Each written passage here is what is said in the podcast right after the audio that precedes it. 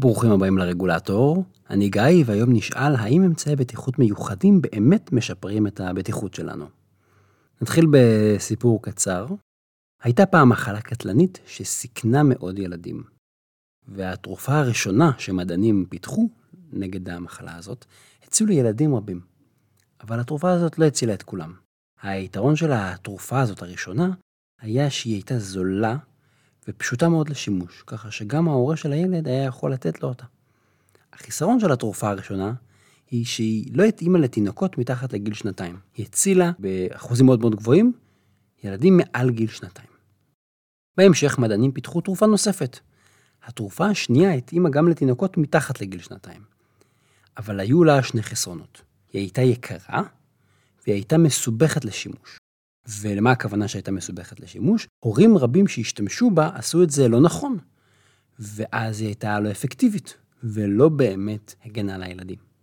בהתחלה השתמשו בתרופה הראשונה, כי זה כל מה שהיה, ונתנו אותה רק לילדים מעל גיל שנתיים, וכשנכנסה התרופה השנייה, אז את התרופה הראשונה נתנו לילדים מעל גיל שנתיים, ואת התרופה השנייה עבור תינוקות מתחת לגיל שנתיים.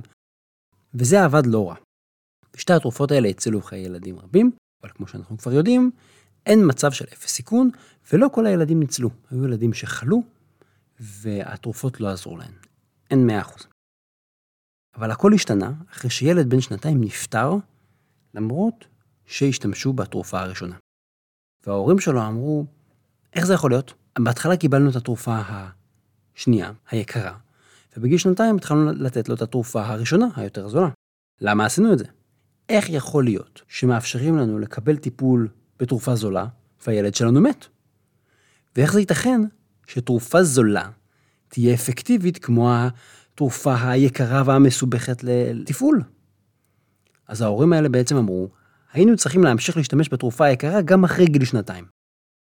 והטענה הזאת התגלגלה והתפשטה, והיה לובי של הורים שלחצו מאוד על הממשלה עד שבסופו של דבר הרגולטור השתכנע וקבע שחייבים להשתמש בתרופה השנייה גם על ילדים מעל גיל שנתיים. בעצם צריך להשתמש בתרופה השנייה המסובכת ויקרה גם לילדים מתחת לגיל שנתיים וגם לילדים מעל גיל שנתיים.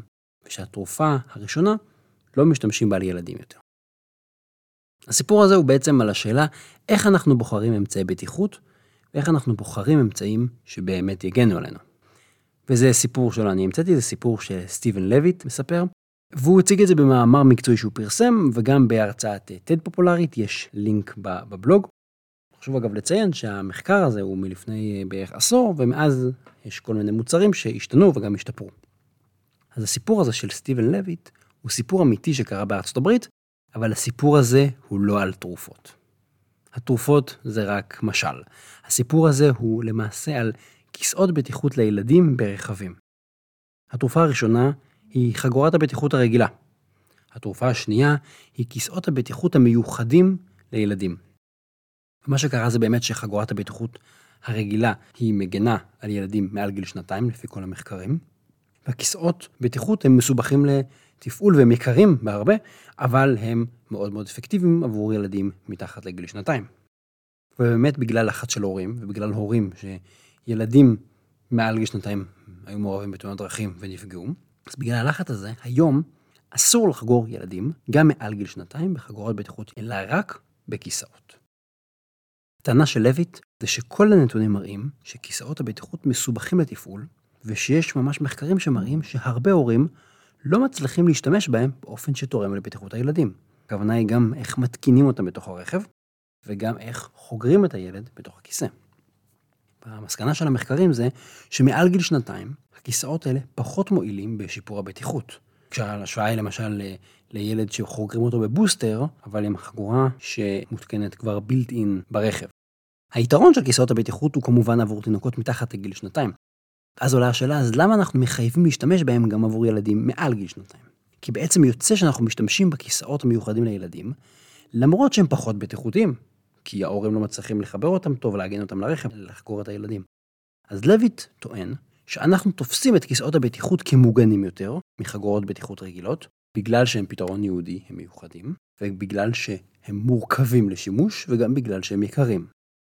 זאת אומרת שהחסרונות של הכיסאות האלה, המיוחדים, מצטיירים בראש שלנו כמו יתרונות, כמו סיבה דווקא להעדיף את הכיסאות האלה. זאת אומרת שאנחנו משתמשים בכיסאות האלה מהסיבות הלא נכונות, ובעצם מהסיבות שדווקא צריכות לשכנע אותנו לא להשתמש בהם. ובאופן לא מפתיע, הטענה של לויט עוררה הרבה מאוד ביקורת על אנשים מאוד מאוד קשה עם הטענה הזאת שהוא מבקר אותם. אז בואו נצלול פנימה וננסה להבין את מה שלוי טוען, כי אני חושב שיש פה כמה תובנות מאוד מאוד מרתקות שמסתכלים מאחורי הסיפור הזה ומאחורי הטענה העקרונית. אני חושב שתובנה אחת שהיא ראשונה שהיא חשובה מאוד, זה שאנחנו סובלים כולנו מהטיה. אנחנו עושים על עצמנו מניפולציות. אנחנו מניחים שאם משהו יקר, אז הוא בהכרח טוב, ויותר טוב ממשהו זול. ואם יש משהו שהוא מורכב או מסובך, אז הוא כנראה יותר מתוחכם ויותר מתקדם. פתרונות דרמטיים, פתרונות בומבסטיים, מרגישים לנו יותר חזקים ויותר טובים במרכאות כפולות. כשהרבה פעמים זה פשוט לא נכון, ולפעמים זה אפילו הפוך. וזאת הנקודה השנייה, לפשטות יש אפילו יתרון. יש סיבה טובה שאנחנו נעדיף פתרונות פשוטים. הם קלים יותר לתפעול, וזה אומר שסיכויי ההצלחה שלהם יותר גדולים. זה נכון גם כשאיש מקצוע צריך להשתמש באמצעי הבטיחות, אבל בטח שזה נכון וקריטי כשמדובר על מוצר שמשמש את הציבור הרחב, כמו חגורות בטיחות. לי יש ילדה קטנה, אני לא מומחה לאמצעי בטיחות, אני לא מומחה לכיסאות בטיחות, אני לא מומחה לחגורות, אני ממש ממש מקווה שהצלחתי לעגן את הכיסא בטיחות שלה לרכב, אבל אני לא מומחה. וזה בדיוק הקאץ' עם מוצרים שהם מוצרי צריכה לציבור הרחב, ככל שהם יותר פשוטים, ככל שהם יותר מה שנקרא stupid simple, סיכויי ההצלחה שלהם והיכולת שלהם להיות אפקטיביים יותר גבוהים. אז בעצם העדפה שלנו לפתרונות מסובכים מזיקה לנו בעצמנו, כי אנחנו בוחרים אמצעי בטיחות שאנחנו מתקשים להשתמש בהם. אנחנו בוחרים אמצעי בטיחות שאולי לא יעבדו בזמן אמת. התובנה השלישית היא שבעצם יש לנו עוד אינטואיציה שהיא שגויה. בעצם, מה היה הטיעון מאחורי שינוי רגולציה? הטיעון של ההורים שדרשו לחייב שימוש בכיסאות לילדים מתחת לגיל שנתיים, גם מעל גיל שנתיים. הטיעון הזה התבסס על מקרה אחד, והוא היה מורכב משלוש טענות. א', התאונה הקטלנית קרתה לילד כשהוא השתמש בחגורת בטיחות רגילה. ב', לא קרתה לילד תאונה קטלנית כשהוא היה בכיסא בטיחות. ג', וזאת המסקנה, לכן יש בעיה עם חגורת בטיחות, וכיסא בטיחות הוא טוב לילד. אבל אם חושבים רגע על שלושת הטענות האלה, שתי ההנחות והמסקנה, זה לא טיעון הגיוני, זה פשוט לא נכון לוגית. קודם כל, כי מקרה יחיד לא יכול ללמד אותנו על הכלל. יכול להיות שהמקרה הזה מאוד מאוד ייחודי, או יכול להיות שיש שם איזה גורם אחר, פרמטר אחר, שגרם לילד להיפגע דווקא בתאונת דרכים שבה הוא נפגע. הדבר השני זה שהגורם המרכזי שמשפיע על סוג אמצעי הבטיחות שהיה בשימוש, הוא היה הגיל של הילד במועד התאונה.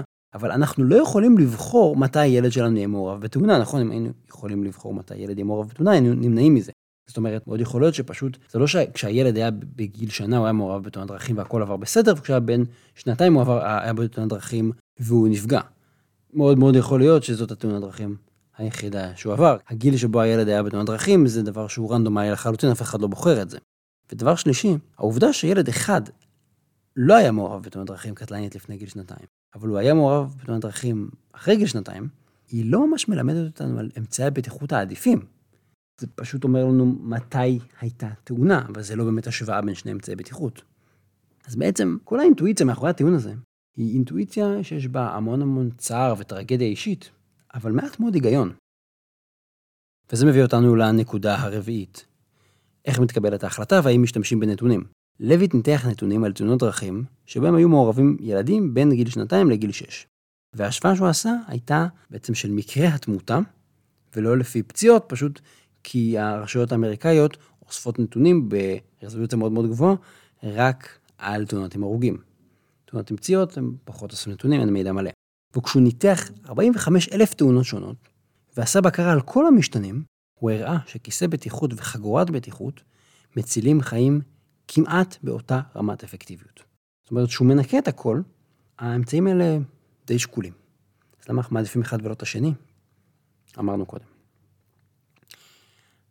נקודה חמישית היא שכן צריך לומר שלכיסאות הבטיחות המיוחדים יש להם תועלת מסוימת, יש להם יתרון מסוים בחלק מהתאונות. הם מועילים בסוג מאוד מאוד מסוים של תאונות, בתאונות חזיתיות דווקא. והסיבה לכך היא לא יתרון הנדסי, זה לא שהכיסאות האלה הם בהגדרה יהיו יותר טובים מחגורת בטיחות. הסיבה היא דווקא רגולציה, או טנגו כזה בין רגולציה לפיתוח הנדסי. תראו, כדי שכיסא בטיחות יהיה מותר לשימוש, הוא צריך לעמוד בתקנים שהרגולטור קובע. אז בעצם הרגולטור אומר מה חשוב לו, נכון? ומה הסטנדרט. אה, התקן הרגולטורי בארצות הברית מחייב עמידה במבחן של תאונה חזיתית, ולכן כיסאות הבטיחות הם בעצם מציינים בהגנה מפני תאונה חזית, כי המהנדסים אמרו, אוקיי, כדי שהכיסא הזה יוכל להיכנס לשוק, אני חייב להיות ממש ממש טוב בתאונות חזיתיות, על זה יבדקו אותי. אז שם הם השקיעו. העניין זה שהכיסאות האלה מספקים הרבה פחות הגנה בתאונות אחרות, למשל התנגשות מהצד, או התנגשות מאחור, או תאונות מסוג אחר. אז בסוג מסוים של תאונות, אין ספק שעדיף להיות בכיסא בטיחות לתינוקות. אבל בסוגים אחרים, הם נותנים הרבה פחות הגנה. כנראה שיצרני הכיסאות פשוט עושים מה שהרגולטור דורש מהם. אז כשהוא אומר להם, שימו לב, תאונות חזיתיות, הוא לא אומר את זה ככה, הוא פשוט אומר, זה הסטנדרט. אז לשם הולכת הטכנולוגיה, ולשם אמצעי הבטיחות יותר מכוונים. נקודה שישית היא הניסיון של סטיבן לויט לבצע מבחני ריסוק עצמאיים. לפי נתונים של הרשות הלאומית לבטיחות בדרכים בארצות הברית, ה-NHTSA, כיסאות בטיחות מקטינים את הפגיעות הקטלניות של ילדים ב-54%. כשאת הנתונים האלה הם משווים בין ילדים שלא היו חגורים בכלל לילדים שהיו בכיסאות בטיחות. הם לא משווים את זה לילדים שהיו חגורים בחגורה רגילה. זו השוואה ממש ממש לא טובה, היא פשוט לא בודקת את חגורות הבטיחות. היא משווה כיסאות בטיחות מול שום דבר.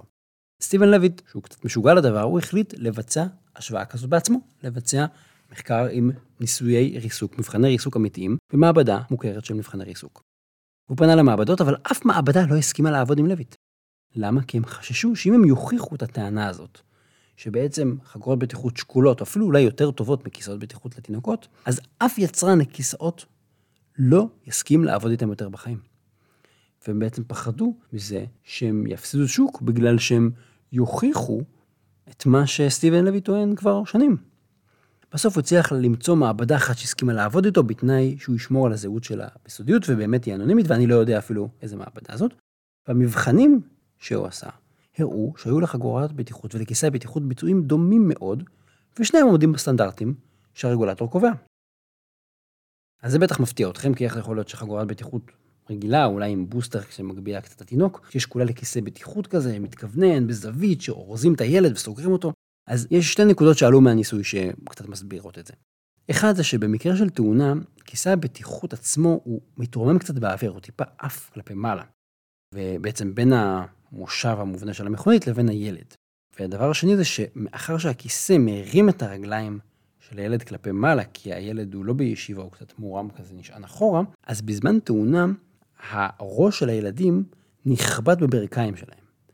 אז יש פה גם אה, חוסר יציבות בגלל שהכיסא עצמו לא, לא מקובע ב-100%, וגם הכיסא מייצר סיכון לחבלה של הילד שהוא, הראש שלו נכבט בברכיים של עצמו.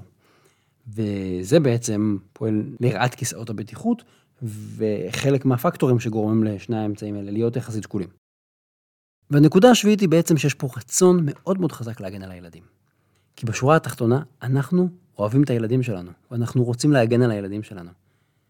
כולנו גם חיים עם המחשבה הזאת שהילדים הם יותר פגיעים, ולכן אנחנו רוצים לספק להם יותר הגנה, לתת להם הגנה מיוחדת. אם אני חגור בחגורת בטיחות רגילה, לילדה שלי אני רוצה לתת יותר.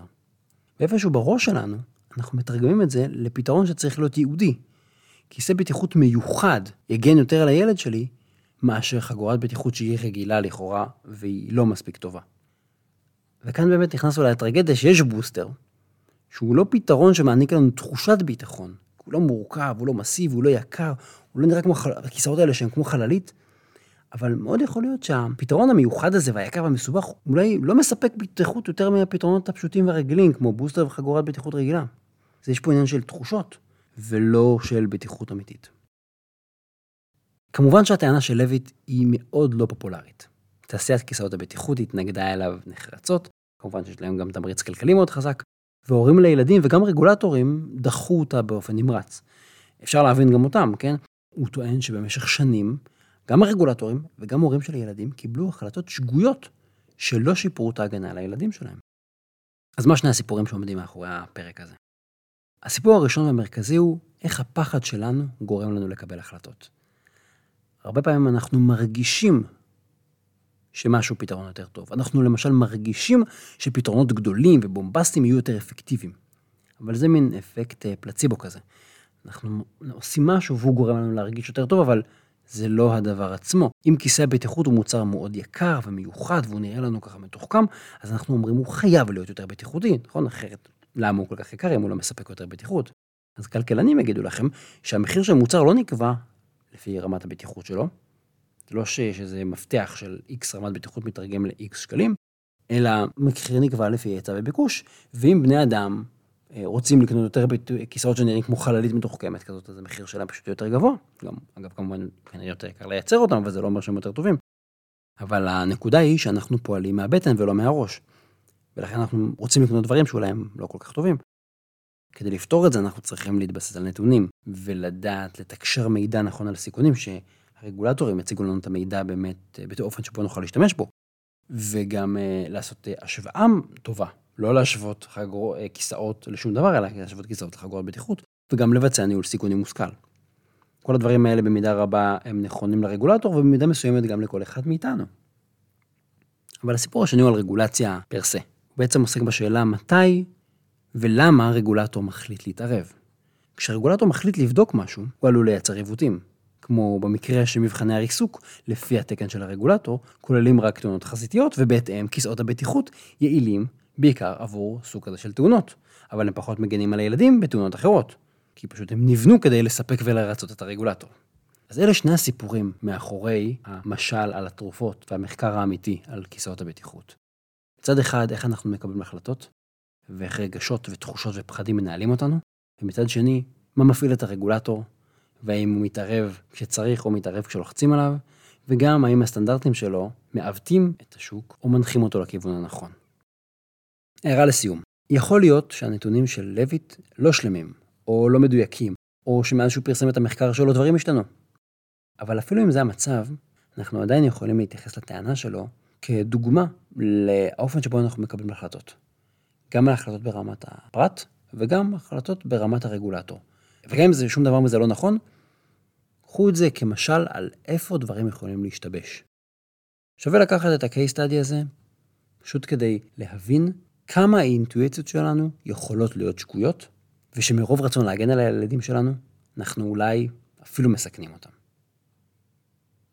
זהו, עד כאן להיום, תודה רבה שהאזנתם לעוד פרק של הרגולטור. מוזמנים לעקוב אחריי גם בבלוג וגם בפייסבוק. עשו פולו בפייסבוק, סי פרסט, תכניסו אימייל בבלוג, אחת תוכלו לקבל עדכונים מיד כשפוסטים חדשים מתפרסמים. התכנים משקפים את דעותיי בלבד.